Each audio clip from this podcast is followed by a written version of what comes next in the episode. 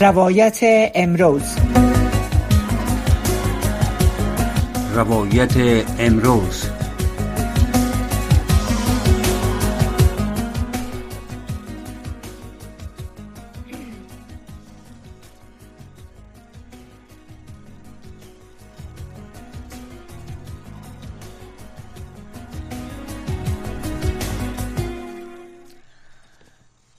بیننده عزیز رادیو آشنا صدای امریکا. سلام و وقتتان بخیر. امیدوار هستم در هر کجایی که هستین صحت و سلامت باشین. و از گزند روزگار در امان باشین. باز هم برنامه روایت امروز است و ما فرخنده پیمانی تا نیم ساعت دیگر میزبان شما هستم. موضوع برنامه البته امروز روی اجده ماهگی و یا گذشت یک و نیم سال از حاکمیت طالبان بر افغانستان و ادامه محدودیت ها بر زنان و دختران مخصوصا موضوع کار و آموزش. در این برنامه البته دو مهمان گرامی هم داریم. مهمان اول ما شهلا فرید استاد پیشین دانشگاه کابل و مهمان دوم ما هم حشمت وجدانی فعال حقوق بشر را در برنامه داریم که هر دو مهمانای خود به برنامه خوش آمدید میگیم. ولی قبل از او می‌پردازیم جزئیات را در مورد نشست تحت عنوان آموزش را نمی‌توانیم به تاخیر بیاندازیم. صحبت می‌کنیم. معاون سرمنشی سازمان ملل متحد میگه که مهمترین اولویت جهان آموزش دختران افغانستان است و جامعه جهانی باید برای حفظ حقوق دختران و زنان افغان متحد شوند. امینه محمد در پیام خود در نشسته که زیر نام آموزش را نمی‌توانیم به تاخیر بیاندازیم گفت که بیش از 500 روز است که طالبان دختران بالاتر از سنف ششم را از آموزش محروم کردند و همچنان میگه که باید این باور در افغانستان ایجاد شود که روی کرده تبعیض‌آمیز در جامعه نمی‌تواند دوام پیدا کنه. البته ای در حال است که 18 ماه از حاکمیت طالبان بر افغانستان میگذرد و روز تا روز می‌بینیم که محدودیت ها بر زنان و دختران در افغانستان اعمال میشه از جانب حکومت طالبان. و با آنکه جامعه جهانی و کشورهای اسلامی بیشتر کشورهای منطقه تاکید کردن و انتقاد انتقاد کردن از روی کرد و عمل کرد طالبان در افغانستان. با آن هم هیچ تغییرات در پالیسی های طالبان به وجود نیامده. خب مهمان های خود به برنامه خوش آمدید میگیم و از استاد محترم استاد شهلا فرید می‌پرسیم که در مورد ادامه محدودیت ها بر زنان و دختران افغانستان چی فکر می‌کنین؟ یک و نیم سال از حاکمیت طالبان بر افغانستان گذشت. نه تنهایی که وضعیت بهتر شد بلکه روز به روز ببینیم که وضعیت بدتر میشه. با آنکه کشورهای جهان بیشتر تاکید می‌کنن و انتقاد می‌کنن از عملکرد طالبان. ولی باز هم هیچ تغییری به میان نیامده. بار سلام به شما و بنده های محترم. شما تشکر از برنامه عالی تا. ببین من فکر می‌کنم که طالبا برای تغییر از وضعیت کدام پلان و استراتژی نداره و قادر هم نیستن که چنان یک حرکت را انجام بدن که تصمیمی که گرفتن و مکاتب بستن. 18 ما از بستن مکاتب برای دختران می‌گذاره و به تاخیرش پانتونا را بستن. و همطور محدودیت های سایر محدودیت های از اجتماعی زنا را اینا مطرح کردن. اینا تمام این مسائل بدون برنامه ساختن اینا. اینا فقط خواستن که از این مسائل باعث یک به طر سیاسی برای خود استفاده کنن و جهان مجبور به بسازن که با اینا تعامل داشته باشن. جهان مجبور به بسازن که اونا را بالاخره به رسمیت بشناسن. در حالی که اینا فکر نمی‌کردن که اولویت اول جهان امروز در قرن 21 تعلیم تربیه هست و او هم تعلیم تربیه که برای زنای یک کشور باشه که جزء از انکشاف جامعه بشری باشه. لذا من فکر نکنم که اینا زودتر بتانن تغییر بدن. با وجود که طالبان میگن یک چیز موقت است. ولی وقتی یک روز از حق تعلیم یک دختر میگذره و دختر جوان از حق تعلیمش میگذره و زمینه بر تحصیلش مزاید نمیشه این یک روز ما از زندگی از کم ساختیم. اما توی به ماها تبدیل میشه ما ماها از زندگی از کم ساختیم. و در جامعه سنتی افغانستان وقت دختر تعلیم نکنه تحصیل نکنه مصروف درس نباشه دیگه گزینه برش ازدواج است. از یک اینا در مکاتب بستن و از دیگه زمین های ازدواج اطفال و زمینه ازدواج اجباری را مساعد ساختن این خانواده فکر می‌کنن که دخترها بار از مسئولیت است به دوش از اونا هر چیز زودتر باید ازدواج کنن و این بار مسئولیت از دوش خود دور بسازن. خصوصا خانواده که در اینجا سطح تعلیم و تحصیل محدودتر است این تر است این گزینه را بیشتر ترجیح میتن با گزینه که وقتی اونا به سن 17 و 18 می‌رسن یا به سن 20 می‌رسن باز برن به سن 10 و 11 بشینن درس بخونن. طالبا اصلا اینجا فکر نمی‌کنن. وقتی یک دختر 13 ساله را مانع مکتب شدن امسال 15 سال داره. یک دختر 15 ساله نمی‌تونه بره به سن 9 یا 8 بشینه درس بخونه. وقتی خودش یک ضربه بسیار کلان در روان جامعه در روان زنای افغانستان است. من فکر نکنم که طالبا قادر به ساختن پلان و استراتژی باشه که به هدف خود معرف تغییر بدن در افغانستان و باز باز از این بدن که دخترها شامل مکتب برن ما فکر می‌کنیم یک یک جفای کلان به حق زنای افغانستان است به حق دخترای افغانستان است که باید هر جا جز فشارهای مختلف را جامعه جهانی بر طالبا وارد کنند تا بتانن این وضعیت تغییر. بله. خب از آقای وجدانی می‌پرسیم در مورد محدودیت ها البته چرا محدودیت های طالبان بر زنان روز و روز افزایش یافته؟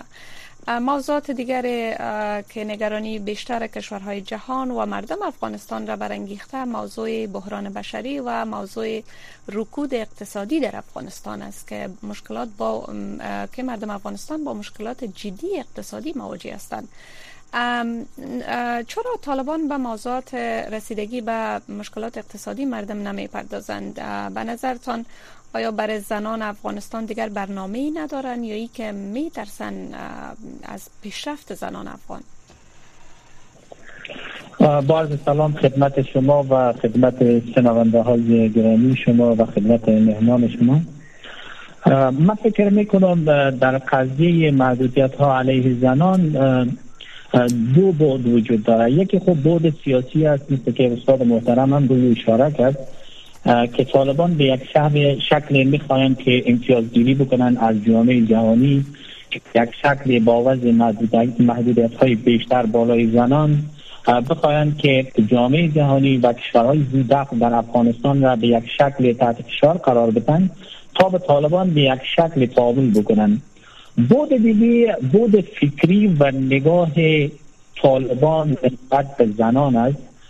مثل که طالبان در جریان دو دهه در افغانستان مفکوره افرادی ناقصی بوده که به یک شکل که بانوان و زنان در افغانستان با کارکرد با کارکردی که در نهادهای مختلف دارند اینا به یک شکل مواجی با امورات یا مثلا به یک شکل با با انعنات و در و در و در تضاد با با با قوانین اسلامی است. اینا یک دهه روی موضوع کار کردند و به افراد تحت امر خود به این شکل توصیه کردند تا اونا را به یک شکل تشویق بکنند. اونا بجنگن در افغانستان.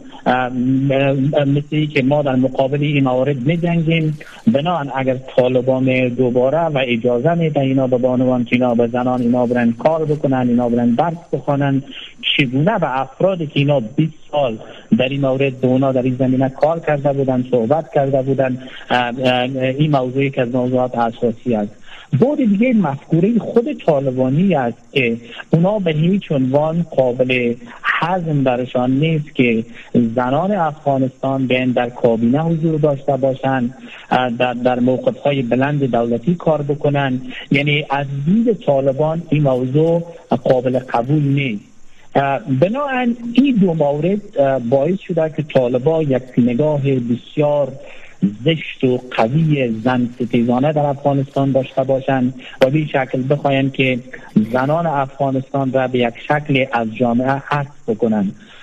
ما در عرصه حقوق بشری گزارش های بسیار تکان دهنده وجود داره که اکثریت خانواده ها که سرپرست نداشتند مادر یا یک عضو از خانواده می‌رفت کار می‌کرد. و پولی که از اینجا دریافت می‌کرد نفقه خانواده خود تعمین می‌کرد. حتی خانواده وجود داشتن که اونا با استفاده از این پول دختران اونا یا فرزندان اونا می‌رفتن در مکاتب تحصیل می‌کردن درس میخواندن. اما متاسفانه امی خانمایی که در بیرون کار می‌کردن از نهادهای امنیتی گرفته تا تا نهادها تا اینجوها و سایر نهادهای دیگه اینا مسئول بودن متاسفانه امروز تمام اینا بیکار شدن و اینا فقط در خانه های خود نشستن. شما فکر بکنین اینا اینا خب پول نداشتن که اونا را ذخیره داشته باشن. یک ماشی از اینجا می‌گرفتن و با او ماش حداقل مصارف روزانه و یا بله. ماهانه خود را می‌کردن. خب تمام محدودیت هایی را که طالبان تا به حال وضع کردن بالای زنان و دختران اکثرش که فکر کنم بیشتر از 20 محدودیت میشه برای زنان در ارسای اجتماعی کار تحصیل زندگی اجتماعی. در کل توجیه کردن که بر اساس شریعت اسلامی و بر اساس مراد کردن حکم اسلامی محدودیت ها را ایجاد کردن.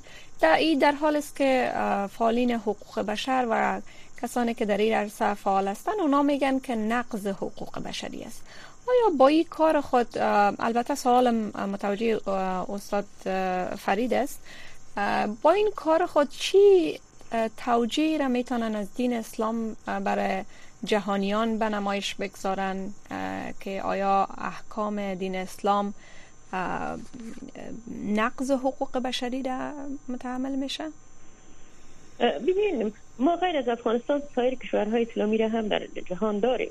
هیچ کشور اسلامی را شما پیدا نمی‌کنید در جهان که اونا مانع تحصیل کار و مشارکت اجتماعی و سیاسی زنا باشند شما امروز مالیزیا را ببینید کشور است که بسط صدر اعظم و بسط وزرا و بسط رئیس جمهور خود اونا اونا دارن زنا را. در سیاسی خود سطح بسیار بلند زنای مسلمان با حفظ تمام اصول دینی اونا اشتراک می‌کنن. همچنین در اندونزیا شما ببینید اندونزیا هم با وجودی که از لحاظ فرهنگ و کلتور خود یک کشور است که بیشتر وابسته به فرهنگ و کلتور مذهبی اسلام و سایر مذاهبی که در اینجا پیروای خدا داره هستند ولی بان هم مسلمان ها زنای مسلمان در تمام ساحات فعال هستند و وقت ما میاییم کشورهای عربی که مهد اسلام است در اونجا هیچ, هیچ کشور مانع درس زن و مانع تحصیل و کار و فعالیت های اجتماعی و سیاسی زنا نمیشه امروز عربستان سعودی یک زن به برای تحقیقات بیشتر به فضا میفرستن. اینا, اینا خودش کلی دستاوردهای زنای مسلمان در کل جهان اسلام داره. ولی استثناء تنها افغانستان تعبیری را که طالبا از دین داره و مانع تحصیل زن میشه خام خو کل مردم فعالین حقوق بشر و یک نمیشه که عملکردهای طالبا مخالف اصول حقوق بشری هستن و اونایی کمتر مطالعه در رابطه با اسلام دارن و خودشون مسلمان نیستن. فکر می‌کنن که این احکام در خود متن اسلام وجود داشته. از دید غیر مسلمان ها اسلام خودش اصول را داره که با اصول حقوق بشری در تضاد در حالی که چنین چیز در اسلام شما نه پیدا نمی‌کنه. این عملکردهای طالبا است که از اسلام یک, یک عکس خراب را برای جامعه غیر اسلامی ارائه می‌کنه. در اونجا تو وحشت خلق می‌کنه با این کار خود. من فکر می‌کنم کارکرد طالبا به خود طالبا ارتباط می‌گیرن به عقاید عقب مانده خودشان ارتباط می‌گیرن. اینا در مدت 20 سال که جنگ کردن در جبهات در کوه جنگ کردن بالای ساختار اجتماعی خود هیچ کار را نکردن. بالای افکار خود هیچ کار را نکردن و تعبیر خشکی که از اصول دین دارن فقط همون در مغزشان حق شده و بس. و احساس کرده نمی‌تونن که حذف یک گروه وسیع از انسان که نازناز در یک جامعه اون سبب میشه که اقتصاد از جامعه بر رکود بره. اون سبب میشه که کارهای اداری و حکومتی از جامعه رکود بره. اون سبب میشه که کارهای تجارتی از جامعه به سقوط بره. حتی بالاخره او سبب میشه که ما در اون جامعه هیچ عالم از زن نداشته باشیم هیچ معلم از زن نداشته باشیم هیچ دکتر از زن نداشته باشیم. ببینید در اواخر تصمیم گرفتن و در امتحان تخصص دکترای طب دخترها را اونا اجازه ندادن که در امتحان سهم بگیره. پس این چی نشان میده؟ در کجای دین است که زن نباید تبابت کنه؟ در صدر اسلام زنها تبابت کردن در جریان جهاد حضرت محمد صلی الله علیه و زنها در جبهات جهاد توابت می‌کردن و همکاری می‌کردن زخمی های جهاد وقت تداوی می‌کردن. بله. من هم چون اینا از دین چه رقم تعبیری داره؟ من فکر می‌کنم که اینا بسیار کوتاه نظر هستن و اینا درک نکردن که ما در قرن 21 زندگی می‌کنیم. درک طالبا از قرن 21 درک است که در قرن در قرن سیوم و چهارم میلادی نمیشه که شما اصول قرن سه و چهار و پنج میلادی رو بیارین و اصول قرن 21 تطابق بوده هیچ امکان نداره. بله. لذا لذا من فکر می‌کنم که کار با طالبا کار باید باشه که حداقل جهان اسلام با اونا کار کنن که اونا تعبیری که از دین دارن دین بدنام می‌کنن. های طالبا ریشه ریشه دین در در کشور مثل افغانستان ضعیف می‌کردن با حذف از این جامعه یا با سقوط طالبا دیگه مردم علاقه دین حراسی در بین مردم افغانستان به اوج خود خواهد رسید. من فکر می‌کنم که یک مسئولیت از جوان اسلام است که بالای طالبا کار کنند تا از این وضعیت هم طالبا را نجات بدن هم مردم افغانستان و هم دین اسلام را نجات بدن. دین اسلام در افغانستان به این شکل اگر ادامه پیدا کنه طالبا دین اسلام در افغانستان به مشکلات مواجه خود در اثر عملکرد خود طالبان دقیق. خب آقای وجدانی اگر شما در رابطه با می سال چیز اضافه می‌کنین بفرمایید ببینید مثل که استاد گفتن ما نمی‌فهمیم که طالبا از دین چه تفسیری دارن و, و, و اینا چه تعریفی دارن نسبت به زن. از زمان به قدرت رسیدن طالبان تا همین لحظه که من با شما صحبت می‌کنم اینا به جایی که بین روی اصلاحات کار بکنن روی اقتصاد کار بکنن روی کار بکنن که چگونه افغانستان را در مسیر درست اینا کمک بکنن. تمام کار اینا فکر اینا و تمام اهداف اینا در این مدت یک سال فقط در این مورد بودن که چه راهکاری را باید پیدا بکنن که یک شکل زنان افغانستان را تحت تاثیر قرار بدن. شما ببینید طبق معلومات کمیسیون خدمات ملکی که سال در سال 2021 اینا نشر کردن 430 هزار کارمند داشتن. از جمله اینا 23 درصد اینا زنان بودن. و به همین ترتیب آمار که بانک جهانی نشر کردن اونا می‌گفتن که نی یک سوم تمام کارمندان ملکی را زنان تشکیل میدن. بنابراین شما ببینید تعریفی که اینا از اسلام دارن نسبت به برخورد با زنان من فکر می‌کنم اینا به یک شکل تفسیر می‌کنن به نفع خود و با دیدگاهی که خود را خودشان دارن و به ایدئولوژی که اینا دارن. و اون شکل تعریف می‌کنن تفسیر می‌کنن و در جامعه اینا تطبیق می‌کنن زنان با سواد فرزندان با سواد به دنیا میارن. اگر امروز ما شما می‌بینیم افراد توانمند افرادی که به سطح رهبری می‌رسن اینا فرزند یک مادر هستند چقدر خوب میشه که مادران با سواد باشن. شما ببینید در مرزهای افغانستان اکثریتی از کسایی رو شما ببینید که با امراض مختلف با مشکلات مختلف اینا دست بنجر می‌کنن به یک شکل کوشش می‌کنن که اینا به کشورهای همسایه خود را برسانن. به خاطر چی؟ به خاطر که در افغانستان درمان درستی وجود ندارن به خاطر اینکه در افغانستان به یک نحوه به یک شکل کوشش می‌کنن که زنان افغانستان را از حق آموزش محروم بسازند. در این اواخر مثل که استاد تاکید کردند. اینا مانع شدن از اشتراک زنان به خاطر امو امتحان تخصصی در عرصه تبابت خب اینا به هر شکل کوشش می‌کنن به یک شکل اسلام را وسیله قرار بدن و در مقابل زنان و دختران افغانستان به یک شکل مانی شوند که از فعالیت های اونا از کارکرد های اونا در اکثر موارد اینا جلوگیری بکنند. بله. خب می‌بینیم که با اقتدار دوباره طالبا بر افغانستان و گذشت یک و نیم سال از حاکمیتشان بر کشور تعداد زیاد از محدودیت ها را بالای زنان و دختران وضع کردن و همین گونه اقتصاد افغانستان با رکود مواجه شد و در کل وضعیت زندگی در افغانستان نگران کننده خوانده شده. و باور تحلیلگران ساختار کنونی حکومت طالبان متشکل از ملاهای افرادگرا و شبکه حقانی که در فهرست ترورستان در ایالات متحده آمریکا قرار دارد و بدون حضور زنان و بخشای مختلف جامعه افغانستان که باعث شده جهان با تردید به حکومت این گروه ببینه و در مورد برسمیت شناختنش تا به حال کدام اقدام صورت نگرفته. حتی کشورهایی که حامی طالبان پنداشته می‌شد یا تلقی می‌شد.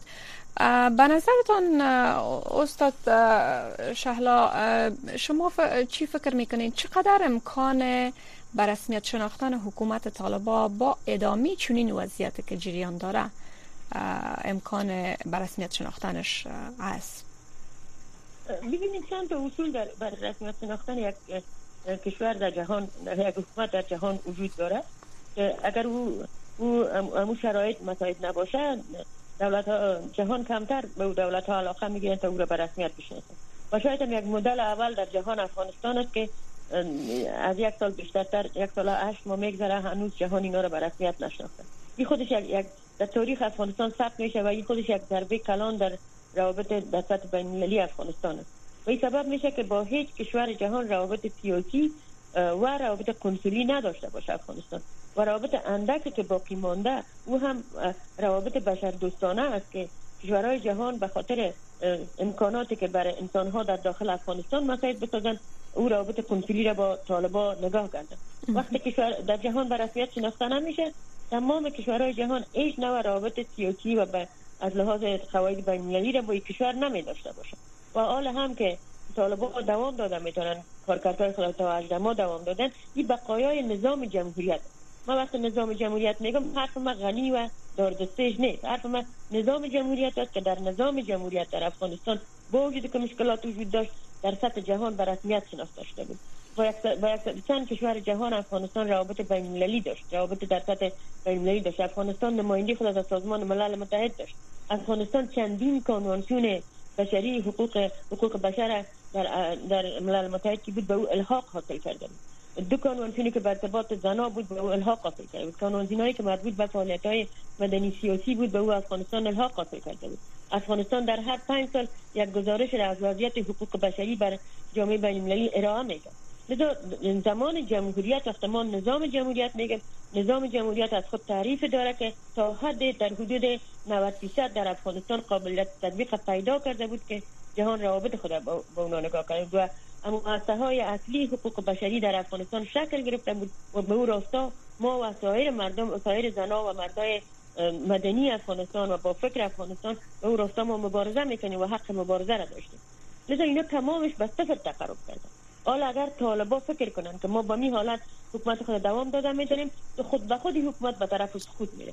چون امکان امکانات دوام ازی در یک جغرافی های سیاسی به نام افغانستان محدود شده میره محدود شده میره و بالاخره از بین میره و امکانات تو هنوز امکانات را که استفاده می‌کنن در بسیاری ادارات در بسیاری از نوع حکومتداری خود از امکانات سابق است.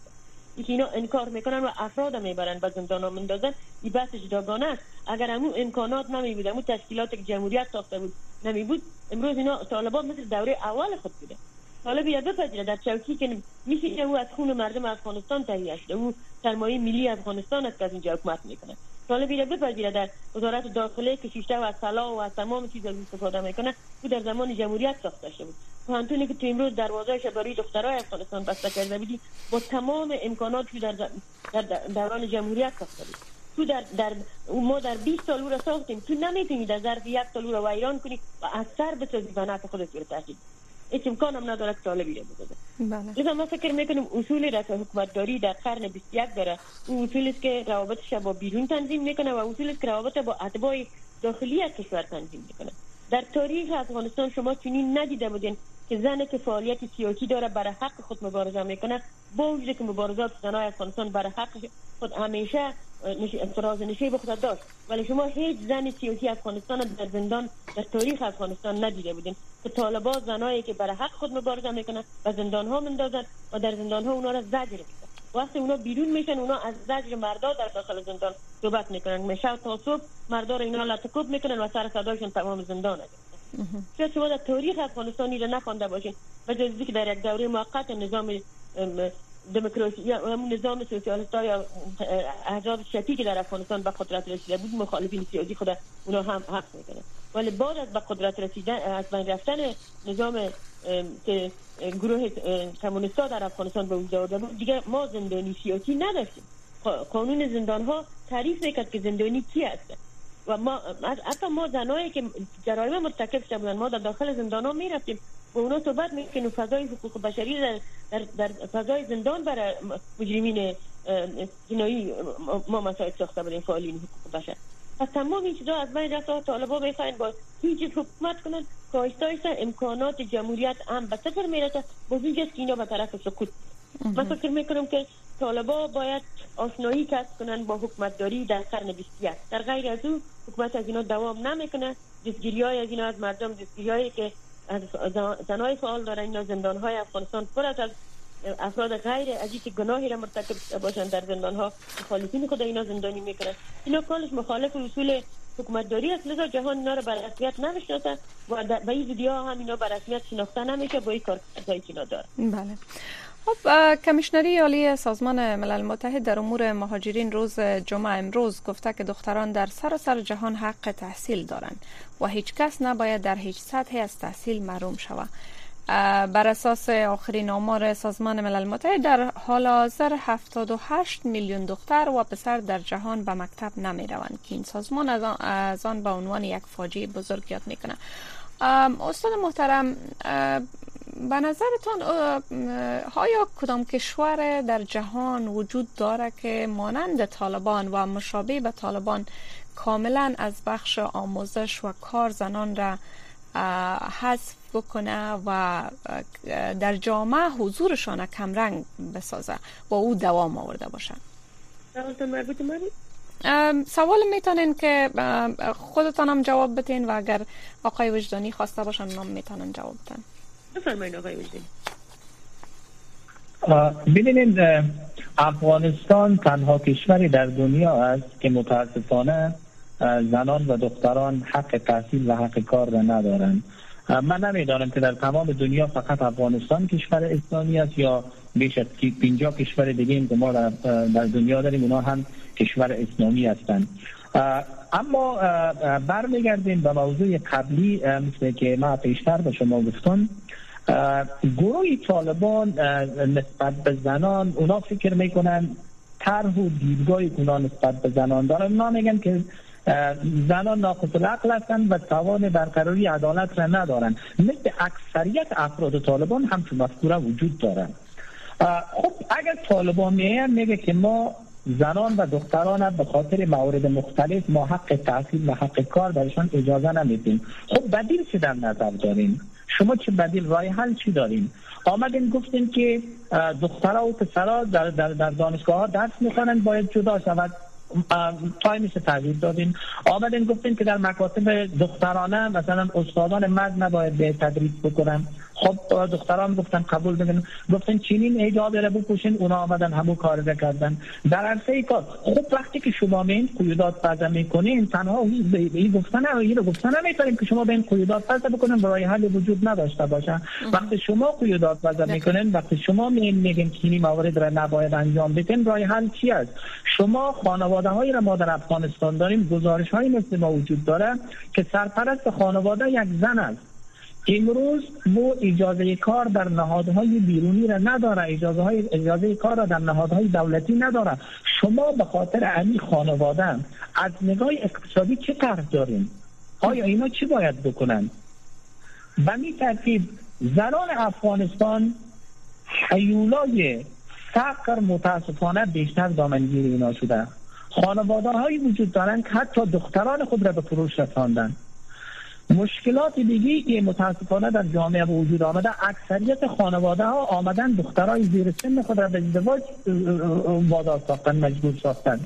خشونت علیه زن در خانواده ها بیشتر افزایش شد حتی دخترانی هستند وقتی که تحصیل می‌کردن خانواده هایشان برشان گفتن که وقتی زمینه کاری وجود نداشته باشند بناهن نیاز نیست که شما تحصیل خود را ادامه بدین و مدت داشته باشین بله. اینا متاسفانه مواردی هستند که روز به روز بیشتر میشن و بالاخره زمینه ای را مساعد می‌سازه که طالبان را دوباره با سقوط مواجه خواهد ساخت و هیچ کشور حتی حاضر نخواهد شد که اینا را به رسمیت بله. خب یک جان تشکر از مهمانان گرامی ما خانم شهلا فرید استاد پیشین دانشگاه کابل که فعلا در ایالات متحده امریکا مقیم هستند و حشمت الله وجدانی فعال حقوق بشر. را در برنامه داشتیم یک جان سپاس از حضورتان به برنامه. شنوندای عزیز یک جان سپاس از این که ما را تا این دم همراهی کردین. برنامه آینده رادیو آشنا صدا امریکا را نیز شنونده باشید